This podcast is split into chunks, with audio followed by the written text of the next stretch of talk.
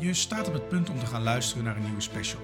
Dit keer over Albert Speer, de architect van Hitler, de man waarmee hij Germania, het nieuwe Berlijn, zou gaan bouwen. Later werd Speer bekend als de minister van Bewapening en wordt hij ervan beschuldigd de oorlog hoogstpersoonlijk gerekt te hebben. Hij stond ook bekend als de goede natie. Maar hoe groot was Speer werkelijk? We vinden het leuk dat je luistert naar onze podcast en willen je daarom vragen om ons te blijven delen. Elke week hebben we meer luisteraars en dat vinden we leuk. Ook kun je onze pagina's volgen op Facebook en een kijkje nemen op onze website www.whdepodcast.nl. We wensen je met deze uitzending heel veel plezier.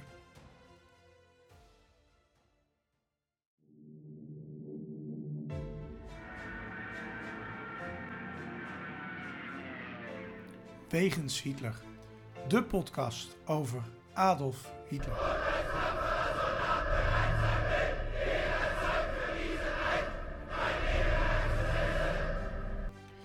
Dictator, alleenheerser van 1933 tot 1945. Een man met miljoenen doden op zijn geweten. Das war ein Befehl! Der Angriff Steiners war ein Befehl! Een man waar ongelooflijk veel verhalen over te vertellen zijn. Ook al die jaren na zijn dood. Adolf Hitler heute Nachmittag in seinem Befehlsstand in der Reichskanzlei bis zum letzten Atemzuge gegen den Bolschewismus kämpfen für Deutschland gefallen ist. In deze podcast gaan Sjoerd en Niels van Andel de wegen van Hitler af. Ze kijken naar bijzondere plekken, naar vroeger, naar nu.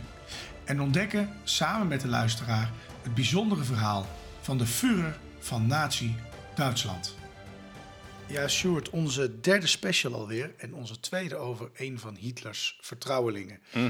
In de vorige aflevering hadden we het er al over. We gaan het hebben over Albert Speer.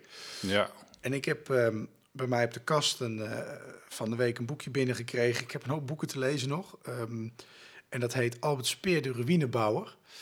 Ehm, ja, daar had je het de vorige keer ook al over. ik vond dat een mooie, eh, Ja. mooie titel. Ja, want hij is, ehm, nou ja, Albert Speer, even kort samengevat, eh, eerst architect van Hitler. Mhm. Ehm, hij bouwt wat gebouwen eh, voor Duitsland, waar, waar, waar nu nog wat ruïnes van over zijn. Dus ik denk dat daar de titel van het boek van over, vandaan komt. Ja, En wat misschien wel, wel leuk is, en misschien is het meteen al de eerste leugen over Albert Speer die we vertellen vandaag. Maar eh, hij schijnt eh, altijd ge- gewild te hebben dat zijn gebouwen ook als ruïne er nog mooi uit zouden zien.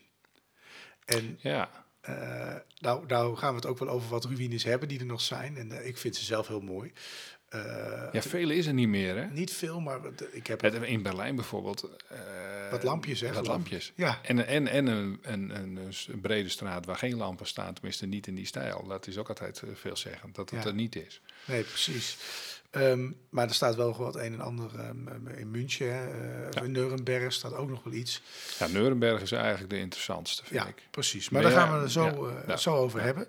Ehm, het is een special en daar hebben we wat specials vandaag. Eh, een, een giveaway. Nee, nee, nee. We hebben een, eh, een stukje. eh, we beginnen namelijk even aan het, eh, het einde een beetje voor onze, onze stervende show. Ik, ik wilde namelijk wat citaatjes doen.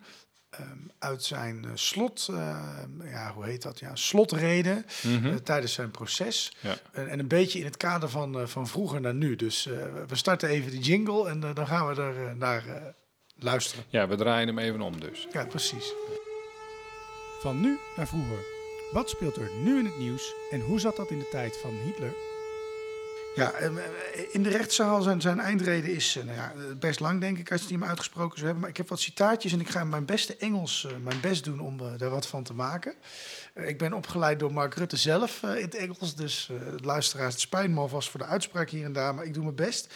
Eh, en eh, per, per stukje dat ik eruit heb gekozen, gaan we gewoon even kijken van, joh, hij zei dat toen over de toekomst en hoe is dat dan nu eigenlijk geëindigd? Mhm.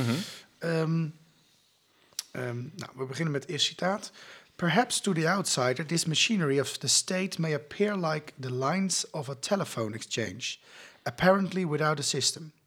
But like the latter, it could be served and dominated by one single will. Ja, het gaat daarvoor over eigenlijk hoe Hitler hij is heel kritisch in zijn slotreden op- Hitler en Nazi-Duitsland. Als ik Ja. het, eh, zo vertaal ik zijn slotreden. Ja. Ehm, Slim van hem. heel slim van hem, maar, maar daar komen we later op. Ja. Ehm, en hij vertelt daarover eh, eigenlijk Hitlers inzet van de toenmalige sociale media. ehm, de radio, de bioscoop. En hoe hij dat inzette om een heel volk te mobiliseren achter zich. Hè. En eigenlijk deed eh, natuurlijk zijn minister van Propaganda dat. Ehm, Ja, en, en dat systeemloze, dat valt mij op. ja, Wat je, wat je, eh, zeg maar, je hebt een apparently without a system. Eh, dat was typisch Hitler. Dat is, ook- daar hebben we het ook wel eens over gehad naar Hitler toewerken, weet je wel. Eh, er zit er geen, geen, geen, geen, geen systeem in? Nou, dat, hij, dat, dat leek wel van niet, want daar kwam wat vandaan en daar kwam wat vandaan. Maar uiteindelijk deden ze allemaal de wil van Hitler. Ja, ja en dat, nou, dat, het is echt, hè, dus het, dat is ook een beetje wat je nu denkt. Soms je denkt van, nou, er zit geen, geen systeem achter, er zit geen, het gaat allemaal vanzelf. Hè? De, de media nu ook. Je, het is toch allemaal zo en het lijkt allemaal systeemloos. Maar ehm, da- daar komt Ja, en dat is wel het, maar dat is wel het verschil tussen, tussen wat, eh, wat over de manier van, van leiding geven en, en, en, en het land leiden van, van Hitler. Mhm. En bijvoorbeeld eh, bij een, een, een democratie zoals wij, wij die hebben met eh, functionerende ministeries die niet met elkaar nou ja, de, de, vechten om de eh, aandacht van, van die ene leider. Nee, ze vechten niet allemaal, staan niet vechtend om Mark Rutte of Hugo de Jonge voor de deur. Eh, Nou ja, nu wel even. Ja, oké, maar, Nu wil iedereen het geld even, even binnenharken. maar in een normaal gesproken situatie. nee, niet zo gek als toen, maar goed. Ehm, daarna komt een citaat over moderne technieken. Want Hitler gebruikte moderne technieken erg ja, goed, kunnen we wel, om het maar even zo te zeggen, om zijn, zijn, zijn, ja, zijn ideeën naar buiten te brengen en zijn Mhm. volk eh, mobiliseren. En dan komt dit cita- citaat. Uh, the totalitarian system in the period of modern technical development can despise with them. The means of communication alone make it possible to mechanize the subordinate leadership. As a result of this, there, the- there arises a new type, the uncritical recipient of orders. En dat gaat ook over ehm, wa- waar vroeger het leger eh, ja, werd, eh, moeilijk bestuurd kon worden door het Supreme Command, hè, het opperbevel, dat is opperbevel. Hè. In de Eerste Wereldoorlog was dat nog veel moeilijker dan in de Tweede Wereldoorlog, waar radio was, telefoon en de bevelen gewoon van Hitler zelf konden komen tot op het laagste niveau als het moest. Ehm, en hoe dat gemechaniseerd kan worden en hoe dat gebruikt kan worden om zo eigenlijk een totaal systeem te creëren. Dat is wat, wat hij zegt. Hoe Ja, waar je onderin helemaal geen, geen, geen kritiek meer hebt. Nee, precies, want het komt van boven, het wordt meteen doorgegeven. Ja. Er kan geen, geen ruis op de lijn ontstaan, om het maar zo te zeggen. Eigenlijk zoals nu, hè? je kunt een appje sturen en het bevel is te bewijzen van spreken. Ja, alleen het verschil is natuurlijk dat het van iedereen komt, dat Ja. En daar zit er één aan het roer, die beheerst zowel de rechtspraak, de, de, de omroep, de krant, et cetera. Mhm. Dus alles wat van boven komt, dat komt bij individuen terecht, maar wel met één boodschap. Ja. Met die ene boodschap, daar gaat hij eigenlijk ook een beetje mee door, is mijn gevoel dan een beetje in zijn slotreden. Want er Ja. komt een volgend citaat.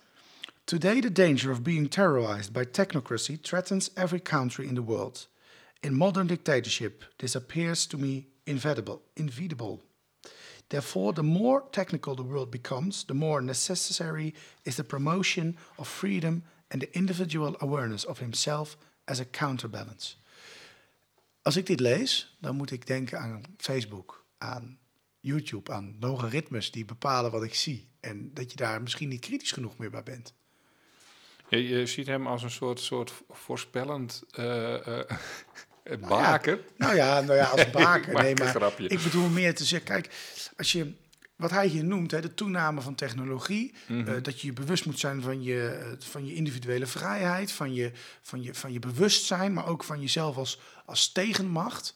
Kijk, en eh, Arjen Lubach heeft er een keer een mooi filmpje over gemaakt. Als je op YouTube twee complottheorieën hebt gekeken, dan krijg ik alleen nog maar complottheorieën te zien. Ja, ja. Ik ja, krijg alleen nog ja. maar filmpjes over Hitler bijvoorbeeld te zien, want ik heb daar allemaal dingen over opgezocht. Ja, dat is onhandig, ja. ja. Ehm, als ik dit lees, dan denk ik, nou, poeh, dat is wel een behoorlijke eh, stap voorwaarts. ehm.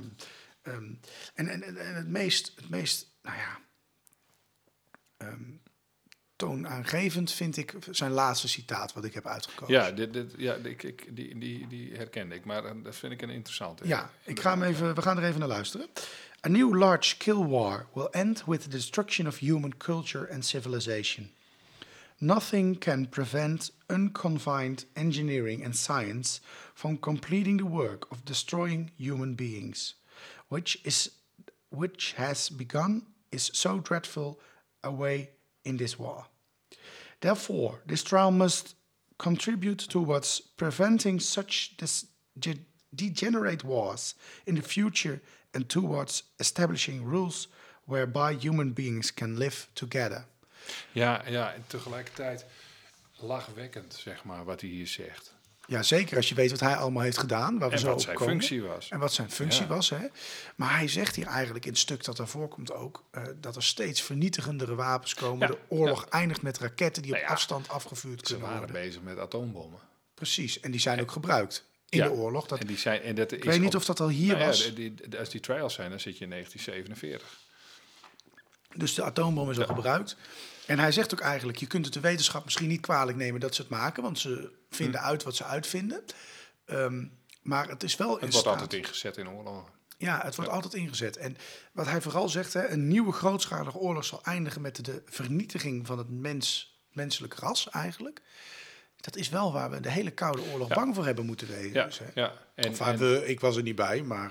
nee, nee, dat was zo. Nee, maar dat, zo groeide je inderdaad ook op met het idee van... oké, kan eh, elk moment kan er zo'n oorlog uitbarsten. Ik weet nog wel de, de tekeningetjes op het journaal. En dan, dan zag je maar raketjes, rode raketjes aan in Rusland staan... en blauwe raketjes aan de NAVO-kant. En dat, eh, als we dat met z'n allen tegelijkertijd op eh, oudjesnacht af gaan schieten... Ja. dan is er geen wereld meer. Nee, de, de risk of mutual destruction werd dat genoemd. Hè? Niemand zal ook durven een raket af te schieten, want dan schieten er zoveel terug. Nee, dat, is ook, dat bleek ook. Dus eh, eh, misschien moeten we zoveel mogelijk wapens op aarde neerzetten. Maar eh, ja, er gaat natuurlijk op een gegeven moment een idioot ergens een keer op een knopje drukken. En dan gaat het misschien de kosten van één stad of zo. Maar dat is al heftig genoeg. Ja, en daarbij moet ik ook altijd denken aan... Wij zijn naar Berlijn geweest en wij hebben daar in een bunker gestaan... die voor de Koude Oorlog was gebouwd. Eigenlijk voor de Tweede Wereldoorlog. En er was maar liefst een, een Sovjetvlag opgetekend. En toen was die ineens geschikt voor nucleaire bommen. Ja, ja, Ja, dat, dat, was de, dat was de verbouwing, hè? Ja, precies. Ja, dat Ja, was, ja, ja, ja, dat alleen maar voor het, voor het eh, rust in het hoofd Ja, van precies. de bevolking. Ja. Maar die ja, man... en een beetje van dat neonspul. Zodat als het helemaal donker was, dan kon je toch nog iets Ja, zien. hè? precies. Ja, dat was wel een upgrade die was toegevoegd. Maar wat die, wat, die, wat die man toen vertelde, die zei... nou, als er een nucleaire oorlog was uitgebroken... één, deze bunker had geen drie seconden beschermd als die hierop viel. Maar goed, eh, dat tot daaraan toe. Hij zegt, en twee, als het ooit gebeurt... ga maar gerust naar je geliefde... en eh, maak er nog een leuke avond van met elkaar. Want als iedereen zijn atoombommen gaat schieten... dan komt er... dan is het einde der tijden gewoon aangebroken. En ja, ik vind dat dan ook wel een beetje... een vooruitziende blik van eh, meneer Speer. Ja, nee, ja, dat was al bekend, ja. Ja, en dat niet alleen, ook wel een beetje cynisch inderdaad. Als je weet wat de beste man, eh wederom, ja, is altijd Ja, lastig met die ja, mensen beste man te zeggen, zinnen, eh, hebben gedaan. Ehm, genoeg denk ik over zijn eh, citaten. Ehm, ehm, we gaan we eens weer toch eens terug. We gaan toch weer eens naar de volgorde die erbij hoort. Want de luisteraars zijn in de war. Ik krijg al boze appjes, dus we gaan snel Oeh, terug de volgorde. gaat snel. We beginnen bij zijn jeugd. En ehm, wat we weten van Albert Speer is dat hij het niet erg slecht had. Hij hoorde bij de bourgeoisie, zo heet dat met een mooi woord. De burgerij. En dat was Hij was Frans. hij was, nee, ja, dat was Frans. Ja, precies. Nee, ja, dat noemen ze in Frankrijk noemen ze dat de bourgeoisie. En dat was de wat betere burgerlijke stand. Eh, ik denk dat je misschien nu de middenklasse zou noemen of zo. Misschien zou je daar het meest mee mogen, mogen vergelijken. Dat zijn mensen die het gewoon op zich prima hebben en gewoon kunnen leven. Ehm, en hij kwam uit een gezin van architecten. Nou, hij werd zelf ook architect. Ehm, hij begon in uh, Karlsruhe de- te studeren. En eh, dat was vooral een centenkwestie. Was gewoon, Want? eh, ja, er was gewoon niet zoveel geld, denk ik, te besteden. Dus Oh, dus het was niet de allerbeste... Nee, het was wel, ja, goed. Maar als jij nu... nou ja, goed, wij, wij horen denk ik niet bij de middenstand. Maar het, nu iemand laten studeren kost ook een behoorlijke bak geld. En Mhm. daar- moesten ze blijkbaar in die tijd keuzes voor maken. Ja, ook. ja. Ehm, maar hij ging daarna naar de Technische Hogeschool in München. Ehm, ik heb nog wel eens lopen zoeken of dat gebouw er nog is, maar eh, dat ben ik niet opgekomen. Dus eh, helaas, eh, geen leuk plaatje. Weet ik niet. Nee, ja, ik, ik kon het in ieder geval niet vinden. Ik heb er nog wel even een dappere poging naar Ja, gedaan. in, in Berlijn weet ik het, maar daar staat alleen nog een muur van. En nou ja, dat was niet veel over. En daarna is hij gaan studeren in Berlijn in 1927, waar hij een... ehm, ja, hij kreeg een... En dat eh, zal dan ook de technische hogeschool zijn. Ja. Dat zal dan die in Berlijn zijn, waar, Ja. waar er nog maar wat resten van overstaan. waar een muurtje van staat. Ja. Ehm, en eh, hij kreeg daar een plek bij een wat klassieke uh, leermeester, zal ik maar even zeggen. Hij mocht mm bij een leerstoel en hij slaagde in 1927 en hij bleef ook betrokken bij die, bij die leerstoel bij zijn hoogleraar. Uh, is hij een tijdje nog, eigenlijk heeft hij daar gewerkt, kan, kunnen okay. we wel stellen. Ja, ja. Ehm. Dus, dus zijn jeugd eigenlijk in een, in een notendop.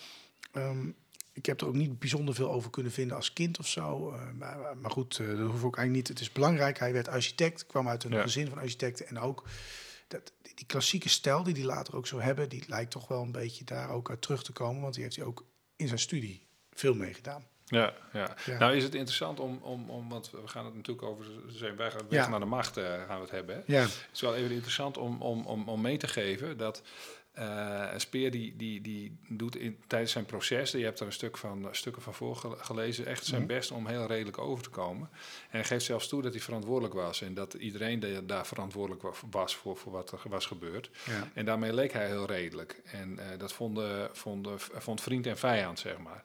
Maar uh, hij was toen eigenlijk al bezig met, met zijn eigen geschiedenis schrijven. Dat heeft hij na zijn gevangenisschap, toen hij um, uh, echt heel veel publiceerde en heel veel geïnterviewd werd, heeft hij dat uh, heel erg gedaan. Zijn biograaf Vest, die verraadt ongeveer alles wat hij zei. Mm -hmm. En nou ben ik best wel beledigd over Vest hoor, maar toch komt het daarop neer. Journalisten die lieten zich ook een beetje betoveren door de kennis van, van, van Speer. Maar niemand vroeg echt door. Uh, ik, ik, ken toevallig iemand die een keer bij hem op, op bezoek is geweest en een interview heeft gehouden. En die vertelde dat hij wel een keer iets uh, op, een, op een pijnpuntje doorvroeg. Ik weet niet meer precies welke. En dat hij toen uh, ja, eigenlijk een beetje mistig deed en dan gewoon ergens anders over begon. En dat hij dat ook niet deed. Hij wist ook wel waar de lastige punten zaten. Ja. Um, Speer die wilde eigenlijk maar één ding tijdens het Derde Rijk en dat is zoveel mogelijk macht zien te krijgen. En, ja. en, en zo'n goede natie was die mogelijk helemaal niet. Maar goed, uh, daar, daar komen we het over. Dat is eigenlijk een beetje de hoofdvraag. Ja, um, de ja. uitzending heet uh, De Goede Natie, Albert Speer. Ja. Uh, en, en, eigenlijk moeten we daarop op, op zien te komen. En dat, mm -hmm. daar komen we toch van een koude kermis thuis. Vandaar ook deze disclaimer. Ja, um, ja, maar, even, ja. ja, want de bronnen die er zijn, die, hebben, ja, die hangen soms nog wel een beetje de speer-variant aan, zullen we maar zeggen. Ja, ja als je een, uh, een oude bron pakt, dan denk je van nou, prima kerel. Ja. Um, ja, goed, we hebben het al eens vaker over gehad, die oneerlijke veroordeling, maar daar komen we zo bij zijn proces wel op. Ja. Um, um, in zijn jeugd, hij wordt architect. Mm -hmm. Hij is dus architect. Het is dan toch bijzonder dat hij ineens in een politieke partij rolt. Hè? Was hij zo politiek geïnteresseerd? Ja, men zegt van niet, hè? Nee. Uh, als, je, als je gewoon een beetje rond hebt... Ja, je hebt volgens mij een beetje uh, rondgesneupt, ja. ook in, in, in, in dat moderne... Uh, hoek. Uh, hij, nou ja, er wordt gezegd dat hij weinig met politiek had. En dan is het toch vreemd dat hij wel lid wordt van de NSDAP. En dat, dat de, weet je, er wordt ook een jaartal genoemd, uh, januari 1931. Maar um, uh, hij zat er eigenlijk al eerder bij. Ja, hij nou, schijnt zelf ook wel eens... Hm? Ja, sorry. Ja. Sorry, nee, ja, ja, Hij schijnt zelf ook wel eens gezegd te hebben hè, dat misschien ook om het beeld weer op te, op te vijzelen. Um, nou, had hij, had hij Hitler in een toespraak gezien en het viel allemaal wel mee met Hitler. En nou, hij was rustig gebleven. De beelden die ik heb als ik Hitler denk is een schreeuwende man en die hart. Eh, ja. De beelden, je kunt ze zo voor de geest halen. Maar hij was heel beheerst, hij was heel rustig en het woord Jood werd niet eens genoemd. Nee, ja, dat, dat uh, ik, ik, weet je, dat, dat niet schreeuwen er waren echt wel stukken in zo'n... zo'n hij kon echt uren lullen, hè, die man. Dus er waren echt stukken met, met opbouwen. En dan, dan, dan werkte hij wel naar een hoogtepunt toe. Maar dan had hij daarvoor heel redelijk gesproken. En een beetje spreker, die, die gooit daar ook een beetje vuur in dan. Dus dat is op zich helemaal niet zo erg. Wij kennen natuurlijk al die schreeuwende vreselijkheden... die hij dan, uh, het slot van een toespraak... die knippen we er even uit en die laten we dan ja. zien. Um, maar weet je, uh, dat was op zich niet zo wonderlijk. Maar weet je, dat, dat, van dat van dat antisemitisme, dat wist hij donders goed. Dat was Hitler. Hitler was antisemitisme en daar ja. had hij het over. En, en ook over oorlog en strijd, daar had hij het over. Dat wist, dat wist Albert Speer ook. Uh, Speer werd lid van een politieke partij. Dus uh, hoezo was hij niet politiek? Nou, het was niet de lokale boekenclub waar hij lid van werd, nee. Nee, nee bepaald niet. Er werd, er werd in, in, in die tijd... Uh, daarvoor, tien jaar daarvoor, had hij nog een, had hij nog een, een, een putsch gepleegd. Uh, dus hij was niet gek. Hij had ook een studie. Dus uh, later wist hij trouwens ook niks van Kristalnacht. Was hij niet bij geweest. Hij wist van niks. Nou, eh, Nou had hij toen ook wel natuurlijk een andere rol. Hij was, Ja. hij was Ja. hè, want ehm, we, we gaan heel snel nu naar Kristalnacht, maar dat was Ja, een dat is het gewoon- slotstuk, hè? ja, Maar- ja, ja, ja, ja. ehm, Ja. ehm, ja, hij, hij, Speer, die was, die was een architect, een, een, kunstenaar zou je misschien wel kunnen zeggen, hè? Ja. Ehm, zo noemde hij zichzelf ook als een, een, een kunstenaar, vond hij zichzelf. Ja, ja. Ehm, ja, maar dat is, weet je, hoe, hoe, hoe, komen we, hoe, hoe vinden we dat? Hoe, hoe, hoe komen we tot die analyse? Door, door naar Speer zelf te luisteren, die ons vertelt, die ons heel open vertelt, na zijn gevangenschap over zijn, eh, over zijn leven en de, de pijnpunten daar dus uitmasseert. En dan zegt dat hij eigenlijk maar een kunstenaar was. Maar hij was zeker geen onschuldige kunstenaar. Op het moment dat hij in zijn architectuur in praktijk bracht in Berlijn, moesten er een heleboel Joden onder andere, en die gingen als eerste, moesten die hun huis uit. En eh, weet je, die, er werd ook een plan voor gemaakt om die te, te- te deporteren. Dus daar was hij actief bij betrokken. Dan ben je geen onschuldige kunstenaar meer. Ehm, eh, nou ja, goed. Hij, hij- was een eh, fantastische organis- eh, organisator, hè, logistiek heel sterk. En dat was ook zijn, zijn kracht, denk ik. Eh, hij had een, een heleboel architecten onder zich, eh, al heel snel. En die deden eigenlijk het, eh, het, het, het, het, het ontwerpwerk. Ja. Ehm, Hitler en Speer, die worden op een gegeven moment, nou, dikke maatjes kun je zeggen. ja. Ehm, de Speer wordt zelfs de huisarchitect op een gegeven moment. Hoe is het zover gekomen? Ja, ja. Ja, eigenlijk ook wel gek. Want je, ehm, ehm, in het begin, of, of laten we zeggen toen hij al wat klusjes heeft gedaan, eh, ehm, eh, en, en Speer zich steeds een beetje manoeuvreerde in de richting van Hitler, want dat deed hij ook wel bewust. Hè. En dan, eh, op de Obersalzberg ging hij dan wonen, of nee, hij liet zich zien en dan diende die weer, dan ging hij weer meedoen aan een project. En, maar al, eh, Hitler die vond in het begin eh, vond die speer eigenlijk niet zwaar genoeg. Dat was niet een hele eh, een, grote architect met een heleboel grote projecten op zijn naam. En, eh, eh, dus, dus toen dat nieuwe Berlijn zeg maar, speelde, dat ze Berlijn opnieuw gingen ontwerpen, toen lag Speer nog helemaal niet zo heel erg voor de hand. Hij had, had wat kleine dingetjes gedaan. Hij had wel die klus van de partijdagen gedaan. Dat was een, dat was een flinke. Eh, Ja, maar hij zat uiteindelijk, maar dat is wel een klus die hij kreeg, omdat hij werkloos thuis op de bank zat, zal ik maar even ja, zeggen. ja, Want hij vertrok in 1932 uit Berlijn. Mhm. Hij ging, eh, ja, ik weet niet meer waar hij naartoe ging, daar moet ik even schuldig blijven, maar hij ging in ieder geval weg. Hij had wat klusjes, maar echt werk kon je het Nee, niet noemen. nee. En ehm, nou, ze kenden hem nog eh, van de partij en ze hebben hem gevraagd, joh, kun je hier eens wat doen? En daar bedacht hij de eh, lichtkoepel, moeten we dat noemen. Ja. ja, dat is ook, nou ja, dat is ehm, imposant, toch? Ja, ja, ja, ja, even- er zijn mensen die vinden die muur niet zo mooi, maar er er staat een enorme muur in, ehm, in, in Nuremberg. ja, ja, komen we straks ook nog En daar op, komen we zo nog op, daar ja. gaan we zo op verder. Maar, Ja. maar dat, dat was zijn, eh, zijn klusje, zal ik maar even zeggen. En dat Ja. deed hij zo goed dat Hitler toch wel fan van hem werd. Ja, daar kwam het op neer. Hè? Ja, ja dat, is dus ook het enige ding dat je. Ja, dat, weet je, als je, naar de, als je één van deze podcasts aan hebt gezet ooit, dan ben je geïnteresseerd in het Derde Rijk.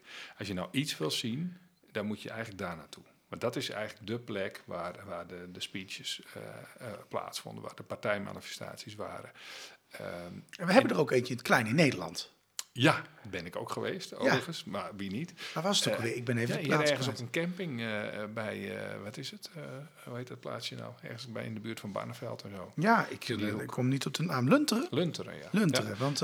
Waar de per VVD altijd vergadert, hè, Lunteren. Waarom is dat? Even een Ad Hitler, hè? ik, daar hebben we hem. Ja, ook in deze special de Ad Hitlerum. Jazeker. Nee, maar Mussert Ja, maar eh, had er ook wat mee. uit. Ja, nee, Ja, Mussert, nee, ik Mussert, ga ja, er gewoon overheen. Ik Ja. praat er gewoon overheen. Ja, goed zo. Eh, en ik heb er geen actieve herinnering aan als je er morgen wat over vraagt. Maar even terug naar die muur. hè. We, die muur die bouwt hij. Prachtig project eh, Mhm. in de ogen van Hitler. En ehm, ja, hij wordt dan huisarchitect. En dat is of toch wel een bijzondere manier waarop hij dat voor elkaar krijgt. Hè? Ehm, want eh, hij dringt zich een beetje op, zo noemde jij dat zelf in de voorbereiding een beetje.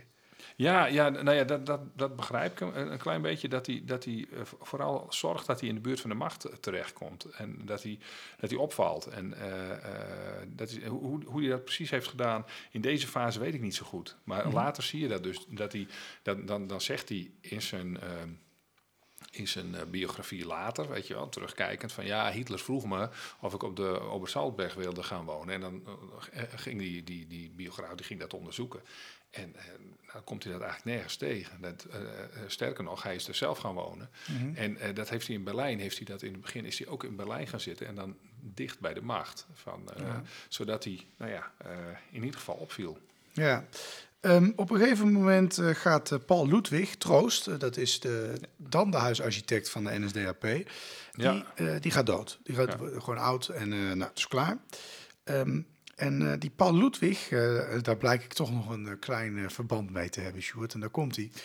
Ehm, dat was een, eh, een ontwerper van een aantal zaken. Het Braunershuis heeft hij gebouwd. Mhm. Ehm, en, en- nou, dat is altijd mooi. Dat is er niet meer overigens. Eh, dat is Nee, eh, zo nee, plat als klopt. een eh, kiezel. Ja. Maar er staat wel een documentatiecentrum op tegenwoordig. Dus Ja. daar kun je wel naartoe. Dat kun je nog bezoeken. Daar stond het Braunershuis. Ja, en, en, en als je daar dan toch bent, dan zou ik ook even naar de bouw, gebouwen kijken die eromheen staan. Want daar staat namelijk de Führerbouw en, de, en een partijgebouw, zeg maar, een, een, voor, voor de ambtenaren. Die staan dus in mooie stijl met van die, van die pilaren en eh, echte typisch nazi-architectuur. Echt het enige hoofdkantoor, het echte kantoor van, van Hitler als Führer, dat er nog is, dat staat in München. Kijk, Naast dat prachtige documentatiecentrum dat heel veel recht doet aan de, de vreselijke geschiedenis van, eh, eh, van het nazisme. ja.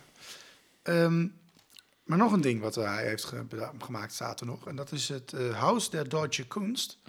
En daar heb ik een bijzonder iets eh, meegemaakt. Daar heb ik namelijk een keer geplast. Dat meen je niet. Ja, toen ik op uitweek was, jij was niet mee, maar eh, ik mocht mee als jouw vervanger. Eh, als een beetje de, ja, hoe het, ehm, ja, wie was de vervanger van Hitler? Nee, maar dat, ik mocht mee als eh, vervanger van Stuart de Boer. Ja, ja, en, nou ja, goed, ik heb daar veel wijsheid Dankjewel verteld. voor dit fijne compliment ook weer. nee, nee, dat is natuurlijk een beetje een flauw grapje, dat, Stuart, dat snap je. Het was een Ad Hitler, dat was die weer. Oh, daar is hij. Ja, ja, ja. Maar ehm, even, Eervol. Eh, dat, dat heeft hij dus gemaakt. Die, die, die Paul eh, Ludwig eh, Troost die gaat dood. Ehm, en, ehm, En Niels komt binnen. en Niels komt binnen. Ja, Precies. Maar hij gaat dood. Albert Speer wordt de huisarchitect. En wat misschien ook nog een leuk wetenswaardigheidje is... dan valt hij onder de ster uit een vorige special. Hes, Ja, daar zul je maar ondervallen, joh. officieel zijn baas. Ja. en die was toch wel eh, goed in de leiding geven, weten we niet. Dus Ja. uiteindelijk, de Speer schijnt weinig last van hem gehad te hebben. Nee, daar heeft Speer natuurlijk al lang eh, ge- ge- gebruik van gemaakt. Ja, precies. Ja. Hitler is fan van de architectuur van Albert Speer. Ja. Ehm, waar hield Hitler dan van als het om architectuur ging? Ja, weet je, ehm, eh, als je, als je, als je al- al rondkijkt hè, in, in, bij die na- nazi-architectuur, bijvoorbeeld dat plein waar we het net over hadden, je hebt daar dat, dat Huis en dan, hadden ze eh, zeg maar op dat plein, daar stonden al twee oude gebouwen. Dat vonden ze al mooi, dus om daar dan iets bij te bouwen was, eh, was, eh, eh, was ook prachtig. Dan maakten ze een soort moderne variant, wat strakkere variant van eh, gebouwen met van die pilaren erin, weet je wel. Dus het is en terugkijkend, een beetje neoclassicistisch of zo. Eh, en, maar dan wel twee identieke gebouwen naast elkaar. Het imponeert. En daar hadden ze, eh, op, die, op dat plein, hadden ze ook eh, twee tempels nog tussen gebouwd. Twee tempels voor de mensen die tijdens de putsch waren omgekomen. Die werden daar herbegraven. Dus dan heb je, een, een, nou ja, dat waren ook allemaal pilaren. Dus dan zie je heel duidelijk, een beetje Romeins, een beetje dat oude zie je terug. Ehm, in de gebouwen zelf zie je ook heel vaak gebouwen met, met heel veel ramen. Eh, ik weet niet wat dat is. En, en, lichte kleuren. Dus het is een beetje die, die lichte steenkleur. Die, eh, eh, die, die zie je heel, heel, heel, heel, heel erg terug. En Hitler die wilde wel dat het imponerend was wat er gebouwd werd. Dat het eh, symmetrie hield hij van.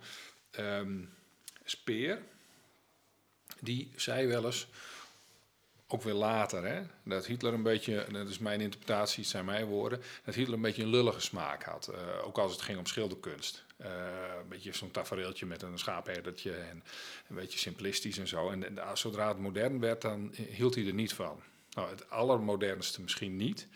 Maar eh Speer deed ook ontzettend zijn best om Hitler niet dezelfde smaak te laten hebben als hij had. Dus zodra het wat mo- moderner werd, waar Hitler ook wel van hield, eh, zijn, zijn, zijn eh, kanselarij liet hij ombouwen en dat werd een stuk moderner gemaakt dan wat er daarvoor aanwezig was. Ehm, dan vond Speer achteraf, en dan kan ik maar beter zeggen dat Hitler daar niet van hield. als je zijn lijst met schilderijen ziet van Hitler, klopt dat ook wel hoor. Er staan heel veel van die tafereeltjes van bier drinkende monniken en wel een beetje lullig, een beetje kluchtachtig. Maar ehm, dat was niet alles. Dus dat was een beetje doorzichtig wat Speer deed, maar die deed het heel vaak afstand houden van Hitler. Nou ja, ehm, dat is een beetje wat ik weet van. Ik ben geen kunstkenner, Niet. hè? niet zo heel. teleurstellend. Maar Ja. eh, ik denk voldoende voor de luisteraar. Het geeft ons in ieder geval een beetje een beeld van eh, wat ook misschien de raakvlakken dan waren met onze eh, speer. Ja, Ehm, Speer wordt huisarchitect. En eigenlijk spelen bij zijn, eh, zijn bouwplannen en zaken eigenlijk twee steden een hoofdrol. Nuremberg en Berlijn. ja, ja, Ehm, Nuremberg als eh, het, de hoofdstad, zal ik maar even zeggen, van de partij. ja. En ehm, Berlijn als de hoofdstad van de macht. Het machtscentrum van het Derde Rijk later. En, en München heeft daar eigenlijk een wat minder grote rol in. Het is wel de plek natuurlijk waar het allemaal een beetje begon, maar ja voor, voor Hitler wel, hè? voor maar Hitler voor, wel, voor maar Speer qua architectuur niet. In, in Nee. München waren ook wel wat plannen voor, maar daar heeft Speer zich niet zo heel erg Nee. mee bezig gehouden. nee. Nuremberg was een hele belangrijke stad. Ehm, dat kwam een beetje uit het Heilige Romeinse Rijk. Ja. Zegt men, want het was een ja, dat het, ik heb daar nog een beetje uit zitten zoeken ook. Eh, daar werd je toch ongelukkig van hoeveel je daarvan eh, kan vinden. Toen kwam ik in totaal al de geschiedenis terecht.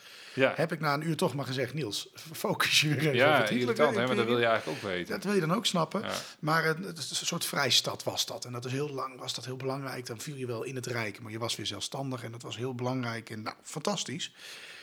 Daar in Nuremberg heeft hij, ehm, ehm, er staan een aantal dingen nog uit die tijd. Een groot stadion staat geloof ik nog. Maar eh, het meest imponerende vind ik zelf, en mooi durf ik bijna wel te zeggen, is eh, dat Zeppelinveld. Ja. Dat, daar, staat, daar staat die muur waar we het net over hadden. Hè? Die muur die Mussert hier in het klein een beetje heeft gebouwd. Ja. Waar die lichtkoepel op stond. Ik heb daar ook foto's Tribune van is gezien. dat, ja. ja. Nou, dat is echt, ja, ik, ik vind dat zelf ongelooflijk Ja, mooi het is, bedacht. Het is een beetje in verval. Ze zijn proeven aan het doen met, met de stenen die er liggen. Hoe ze, hoe ze dat eh, weer een beetje kunnen herstellen. En eh, ja, er wordt, de, het wordt ook gebruikt. Weet je, er, er zijn mensen die daar hardlopen, de, de, de trappen van de tribune op. Mhm. En, en, en, en goed, de, de Führer-tribune is er ook nog. Dat is wel iets verhoogd, zodat het, het, het, het, niveau waarop Hitler stond, dat is er niet meer. Het is iets, iets hoger gemaakt. Mhm. Daar kun je dan gaan staan. En mensen maken dan foto's. Ik heb ik natuurlijk ook wel eens gedaan. Ja. De eerste keer dat ik er was, was heel mooi symbolisch. Toen stond er zo'n bord, zo'n bord, hier mag je niet passeren, zo op dat vurenplatform. Daar klim je daar vervolgens omheen, overheen natuurlijk, want je wil daar staan. Ehm, eh, een beetje ziek, maar goed. Eh, dat, daar heb ik een mooie foto van gemaakt natuurlijk, met, met dat bord ervoor. Een soort van verboden plek of zo. Ja, precies. Ehm, Maar een hele mooie. mo- Ja, het- is nu een beetje in verval. Maar als je die beelden ziet van met die lichtkoepels die Speer daar allemaal had gemaakt. En die muur die is nu voor een deel afgebroken. Of, of die is opgeblazen. En eh, die was nog veel breder dan die nu was. Dus dat was nog imposanter. ja, hij is nu wel in verval. Ze zijn er wel, be- jij zegt het al, maar ze proberen Ja. hem ook wel. Ja. Ze hebben er eerst nooit wat aan gedaan, Nee. maar dat is Nee. niet zo heel lang geleden. Zijn ze daar wel mee begonnen? Want Ja, het er dan toch nog veel meer daar. Hè? Er, staat, er staat een van de grootste natiegebouwen eh, überhaupt. Staat daar, niet door Speer gebouwd. Dat was een, het grote stadion dat ze daar wilden bouwen. Inderdaad, het is nou ja, een half stadion. En daar zit nu een, eh, een, een gedenkmuseum in of zo. Ook Ja. over die periode. Ja. Ehm, nou ja, dat was zijn eerste grootste contract, die, die muur. En dat, dat, dat, dat grootste, dat, dat, eh, ehm, nou ja, ehm, dat maakte eigenlijk hem de huisarchitect. Ja, hij gaat eh, in ieder geval eh, flink aan de slag eh, Speer eh, vanaf dat moment, want hij Ja. doet meer. Eh, hij gaat ook in Berlijn eh, aan de gang. Het Olympisch Stadion eh, Ja, gaat ja. hij flink mee aan de gang, toch? Ja, ja, weet je, dat, dat, dat flink aan de gang. En, eh, en dat, soort, dat is zijn, daar moeten we ook mee uitkijken. Hij, ik denk dat hij ook flink aan de slag ging. Hij was ook aan het werk met verschillende projecten. Maar hij vond het zelf ook wel interessant om dat eh, nog eventjes flink aan te dikken. Eh, er zijn allemaal mythes ontstaan over de snelheid van de bouwkunst van, van Speer. Ehm, eh, het Ol- het Olympisch Stadion inderdaad. Daar wordt van gezegd dat op een gegeven moment werd Hitler heel erg boos. Want hij had gezien dat de bovenrand van dat gebouw vond hij niet mooi. Er zat veel te veel glas in en dat moest allemaal anders. Eh, de Olympische Spelen gingen niet door. Dat was ook het directe gevolg geweest van als het, als het verhaal zou kloppen. Want het was nog eh, twee, drie maanden voordat, voordat de Olympische Spelen zouden zijn. En ja, dan, dan redde je dat gewoon niet. Klopte ook niet, want Speer had met de bewuste architect, het was een andere architect die dat gebouw had gemaakt. Speer zelf eh, had daar zijdelings ook wel mee te maken. Maar daar had hij overleg gehad van hoe zullen we dat doen. Maar dat was al in 1934. Dus dat, die, die, die kwestie speel, eh, eh, speelde helemaal niet. Maar het was voor Speer wel interessant om eens dat soort verhalen te vertellen. Vooral als de mensen die daarbij betrokken waren er gewoon niet meer waren. Nee, precies. Niemand kon dat, kon dat navertellen. Nee, Ehm, En hij had de grootste markt. Hè? Toen hij uit de gevangenis kwam, verkochten zijn boeken als een speer. Hey. Ehm, onbewust, maar hij kwam er toch uit. ja, precies. Hij, eh, Berlijn, hè, hij, eh, nou, dat stadion is dan wat aangedikt. eh, maar eh, ik geef het niet zomaar op eh, voor Speer. Nee, Ehm, want hij moest het eh, Germania gaan bouwen. ja, dat is niet, niet gelukt. Dat hè? is niet gelukt. Ja, nee. Germania zo zou Berlijn gaan heten als eh, Ja, naar de Eindsieg, hè, naar de eindzegen van eh, Hitler. Ehm, overigens, eh, daar moet ik dan even een klein kritische noot zetten. Eh, de enige bron die ooit zegt dat het Germania zou gaan heten was Albert Speer Albert zelf. Ja. Dus- Dus, oh, als we alles in twijfel gaan trekken, dan... We weten niet of het zo was, maar we gaan er Ja. even van uit. Ja. Ehm, en nog iets waar hij om gero- geroemd werd, is dat hij die Rijksdag in recordtijd heeft gebouwd. Hè? Dat ding stond er in een jaar, eh, zeggen ze. Ja, je bedoelt, je bedoelt eh, de, de, de, nieuwe Rijkskanselarij. De Excuus, Rijksdag ja. is inderdaad die, die Excuus, ja, eh, ik zeg even het verkeerde woord, maar... Nee, boeien, nee, dan weten ze het. Ehm, nee, ja, er was helemaal geen sprake van een recordtijd. Dat is, ehm, ja, het- misschien dat het snel was of zo, weet ik veel Mhm. wat. Dat is prima, dan hebben ze snel gebouwd, dan hebben die mannen heel hard gewerkt. Ehm, maar niet in een jaar. Want het, dan zou, in 1939 was hij ongeveer klaar. Dat doe ik er nou uit mijn hoofd. Ehm, maar die bouw begon al in 1934. En ze- eh, er werd door de nazi-propaganda hoor. Misschien dat, dat Speer daar niet eens zo'n belangrijke rol in speelde. Mhm. Maar er werd gezegd in 1938 werd begonnen en in 1939 was het gebouw klaar. Nou, eh, gewoon niet waar. Nee, die, eh, dat gebouw wat toen dat er was, hè, daar zat een enorme ehm, nou, grote hal in, kunnen we wel zeggen. Die was bijna twee keer zo groot als de spiegelzaal. Dat was toen blijkbaar Ja. een heel grote zaal. Ehm, en dat werd ook wel de lange massa der diplomaten genoemd, die gang. Want Ja. diplomaten. En dat Ja. was een spekgladde vloer. En eh, Hitler schijnt eh, gezegd te hebben, van, toen daar kritiek op kwam, van nou, diplomaten zijn wel gewend om zich op glad ijs te bevinden. ja, dat vond ik zelf nog wel weer Ja. een leuk ding. Je hoopt bijna dat hij het gezegd heeft. Nou ja, weet je, dan ben je op, op het moment dat je daar voor dat, voor- bij, bij de vuren in de buurt hebt, ben je zo beïnvloed. Dat je denkt van, eh, goh, dit is toch wel een heel groot man, weet je wel. Ja, dus dan ben je een beetje zenuwachtig en dan word je nog zenuwachtig. Ja, het werkt waarschijnlijk wel. Ja, dat, dat Germania, dat eh, was wel een ding, hè? Ja, dat, eh, daar hielden ze wel van. Het moest ook allemaal, hè, we noemden al, die, die zaal die was heel groot. Ja. En, alles wat die Duitsers bouwden was heel groot, als het maar even kon. Nou ja, wat ze wilden bouwen, want dit is En er gewoon niet gekomen. Nee, nee, want ze wilden in Germania een soort, ja, de Volkshallen heette dat geloof ik. Ja, een enorme koepel. Enorme koepel. En eigenlijk als je er een impressie van wil zien, dan heb ik een tip. Want hij is niet gebouwd, dus Nee. we kunnen. Maar ze hebben een serie op eh, Amazon staan en dat heet. ehm, ehm, nou, dat is een serie en ik kom, uit, ik kom er gewoon een black, complete blackout. Ik had net de naam in mijn hoofd. Ehm, en Komen we zo op. kom ik zo wel op die naam. Maar dat gaat over een alternatief scenario waarin ehm, de, derde weer, de Tweede Wereldoorlog wordt gewonnen door Nazi-Duitsland en Japan. Oh ja, dat is altijd een leuke denken. En Amerika wordt ehm, ehm, bezet, wordt verdeeld. En dan bouwen ze, dus die, die volkshal is dan dus gebouwd. En, en Oh ja. Hitler leeft nog, het is 1959 of zo, nou een beetje Mhm. die tijd.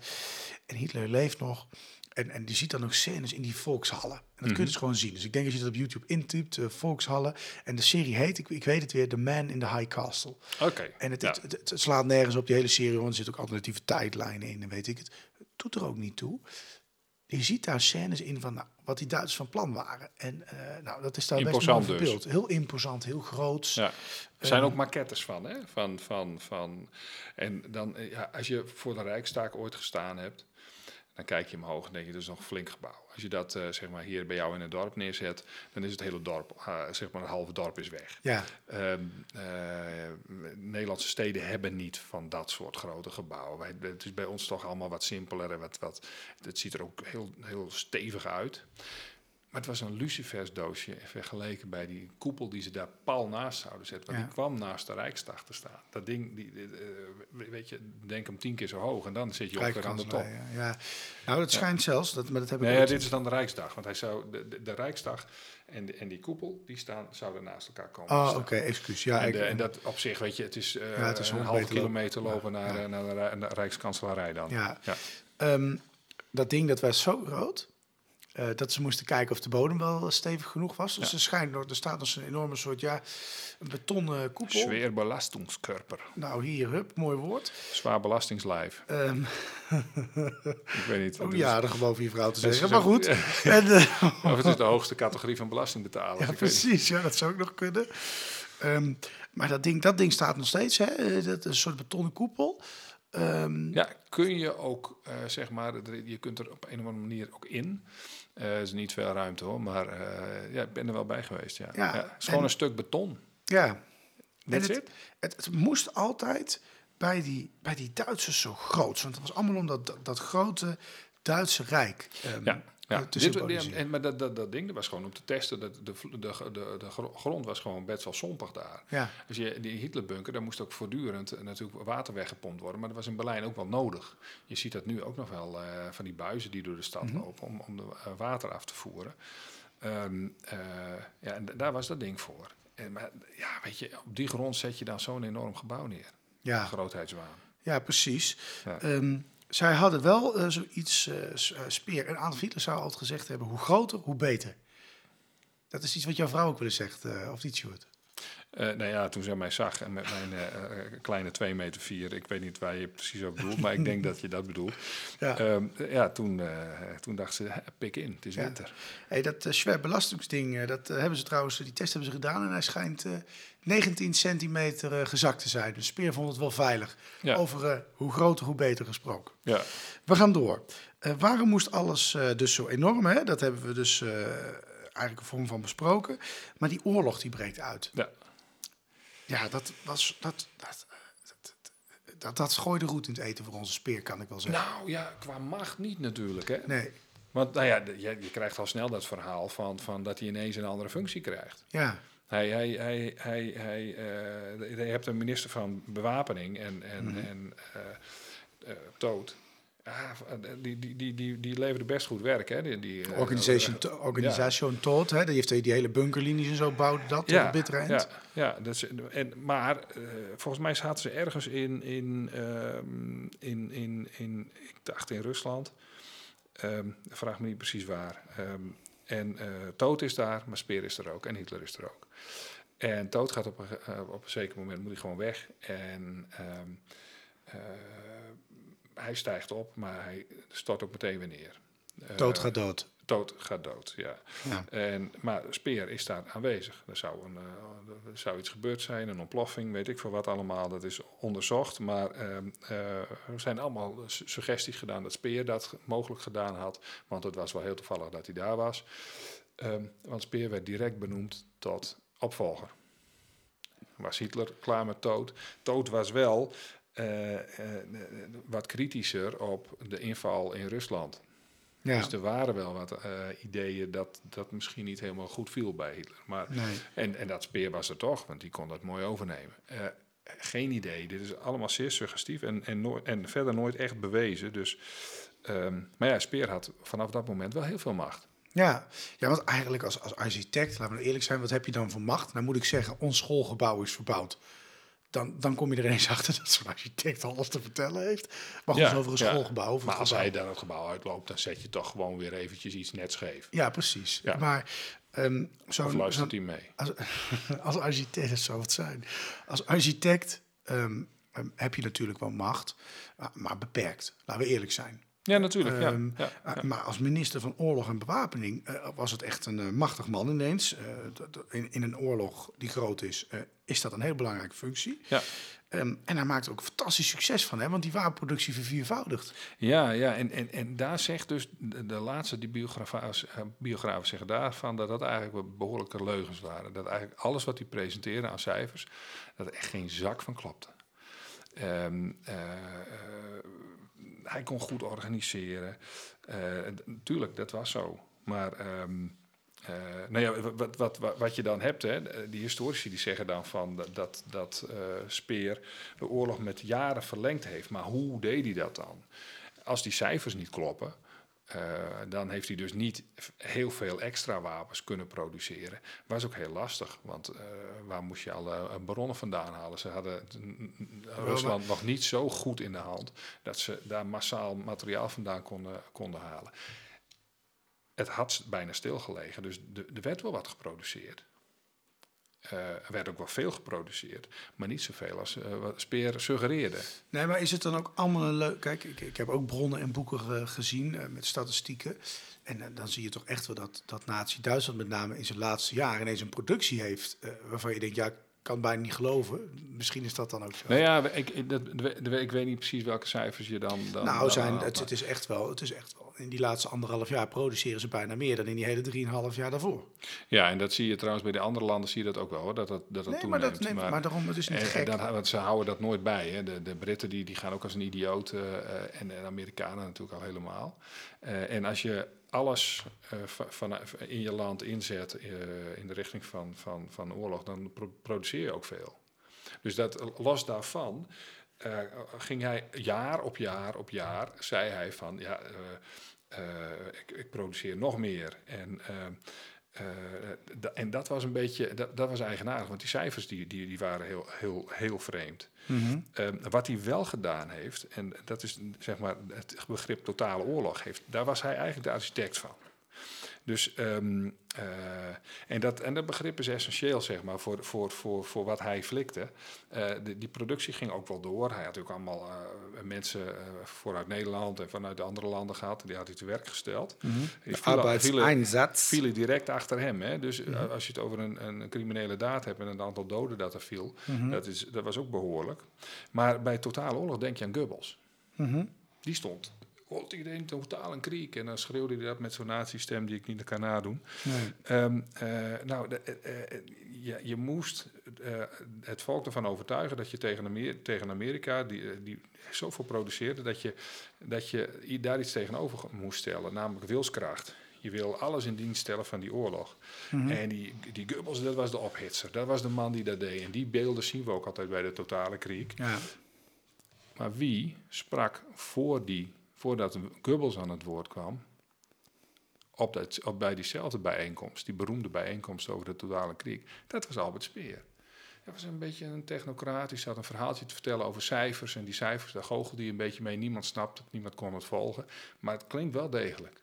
Eh, dus ehm, eh, eh, hij eerst en dan komt de propaganda eroverheen. En dan heb je zeg maar dat volk dat eh, ehm, mee wil werken.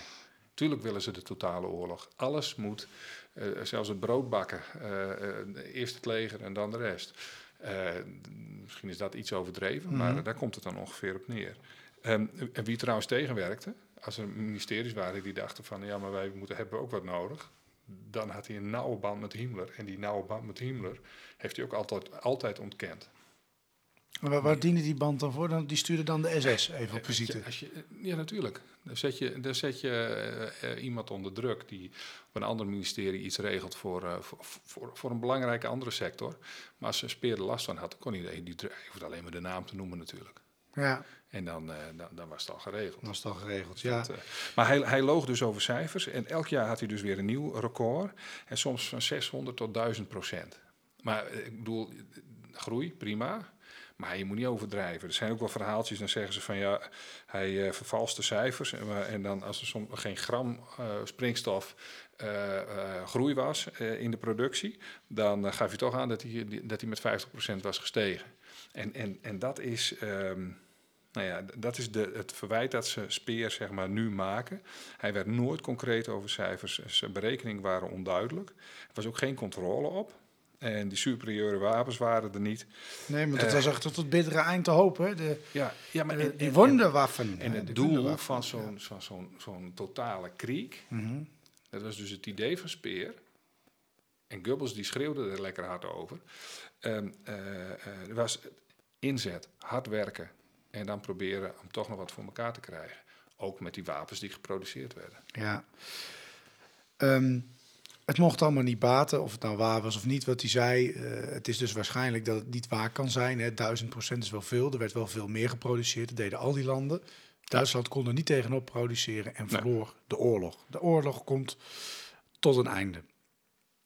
En wat ik zelf bijzonder vond, was. ehm, ehm, of wat ik vreemd vind. ehm, in de film De Ondergang zie je dat Speer afscheid neemt van Hitler. En zegt: Ja. joh, eh, beste eh, Hitler of mijn Führer.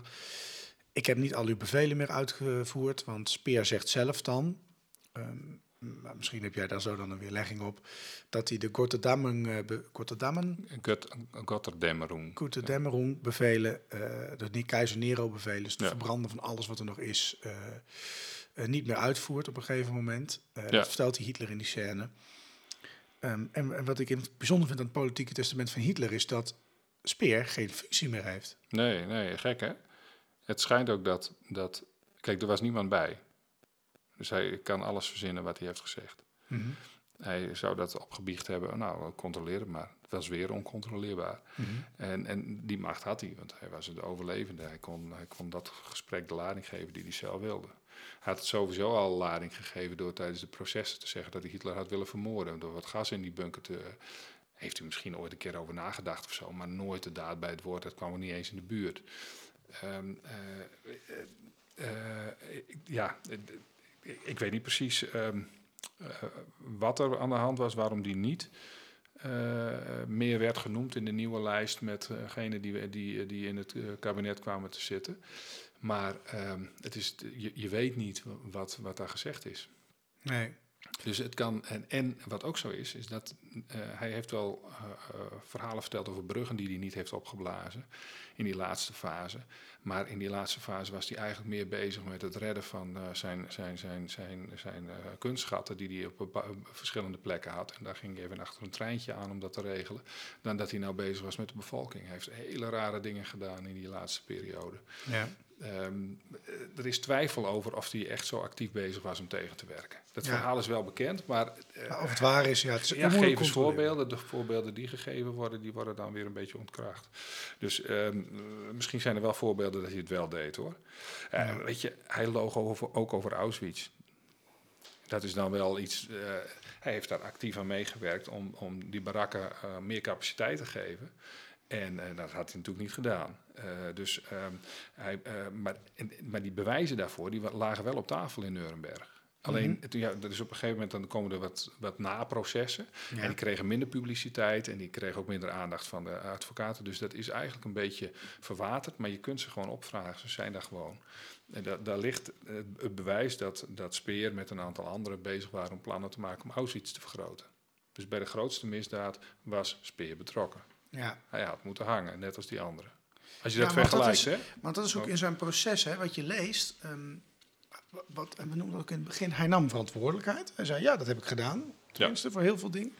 Maar hij schoof ook heel veel dingen af. Eh, de, de was de schuld van de minister eh, Ja. van eh, Arbeid, geloof ik. Ja. Ik weet niet of het zo heette, maar ik noem maar even de minister van Arbeid. Die, die is opgehangen. Ehm, nou ja, de, de hele hoop mensen die verantwoordelijk zijn voor Auschwitz ehm, eh, zijn Dus- opgehangen. Ja, ja. En Speer ja, komt weg. Ja, Speer komt ermee weg terwijl hij een van de belangrijkste mannen van het Derde Rijk was. Ja, in, in, de, in de vorige aflevering hadden we het over Hess. En Hess zit uiteindelijk zijn leven lang in de gevangenis. Speer Ja. zit er ook wel redelijk lang, 20 jaar. Maar Ja. Maar die, mocht, die kwam vrij. die kwam vrij en die heeft, nog een, die heeft een best goed leventje nog geleefd hè, naar Nuremberg. Want hij ehm, had die kunstschatten die hij een beetje stiekem verkocht. Ja, familie was rijk. Zijn Eh, boeken? Ja, zijn huis van de ouders was er nog. Eh, zijn boeken heeft hij heel veel geld mee verdiend inderdaad. Want hij ver- verkocht natuurlijk heel goed. Ja, Ja. Dat, ehm, eh, hij heeft nog... hij eh, uiteindelijk... Te goed weggekomen. Ja, nou ja, het, het zijn, hij had ehm, in Londen, volgens mij, dat is, dat is dan het einde van Speer, had hij een vriendinnetje. En hij is bij, bij haar in bed, is het verhaal, is die eh, gestorven. Dus dan heeft ook nog een, eh, een onverwachts, hè? prettig einde geweest. Blijk- Ja, ik weet niet hoe prettig dat was. Hoor. Ja. Ik weet niet wat hij daar uitsprookte. Wie maar- weet wat, misschien hadden ze 50 Tinten Grijs wel gelezen, was dat zijn einde. maar goed, dat zullen we nooit weten. Het is echt speculeren tot de weeks. Eh, de luisteraars, ik ben Sjoerd kwijt, maar dat maakt niet uit. ik ben hem verloren. de tafel, jongens, ik ben weer boven. Ehm, ja, de, de, die goede natie, hè? Ja, ehm, na zijn eh, arrestatie 23 mei 1945, een proces. Hij wordt vervolgd 20 jaar en leidt nog een luxe leven daarna. Ja. Ja. Deze aflevering heet Albert Speer, de goede natie, of eh, de goede natie Albert Speer. Ehm, was hij nou een goede natie, Sjoerd? Ja, ja. Nou, we hebben een heleboel dingen genoemd. Hè. Eh, over, eh, ook over tijdens die processen, dat hij, dat hij een soort van, van berouw had. Maar echte spijt heeft hij ook nooit echt geuit. Hij ontkende namelijk betrokkenheid bij Auschwitz. Hij, hij was verantwoordelijk voor heel veel dode arbeiders. Is hij daarvoor gestraft? In mijn, zin, mijn inziens niet. Maar uh, het is ook nooit gevraagd om die cijfers op te helderen. Uh, die goede, goede natie die kwam daarmee weg. Want iedereen dacht ook dat het een. dat, dat het, hij was redelijk en hij praatte oké en hij was, hij was open zogenaamd. Maar hij zat wel op een heleboel kennis die andere mensen niet zomaar konden bereiken. Um, de, de, een van de recentste biografen van, van, van Speer die, die, die zegt het volgende. En dat is misschien mooi om mee af te sluiten. Hij, hij zegt, en ik citeer dat even letterlijk: Als we bij wijze van denkoefening aannemen dat Speer eind 1941, begin 1942 inderdaad wist dat de Amerikaanse superioriteit van jaar tot jaar groter werd, dan zou hij in het volle besef dat de oorlog verloren was, nog een paar jaar de oorlogsmachinerie draaiende hebben gehouden en miljoenen mensen hebben misleid en de dood in hebben gedreven. Daarvoor was een ideologisch motief nodig, in de zin van een nazistische nazistische oorlogsopvatting dat indruist tegen ieders gezond verstand en elke rationele zienswijze. En dat was bij Duitsland de door Speer gepromote totale oorlog.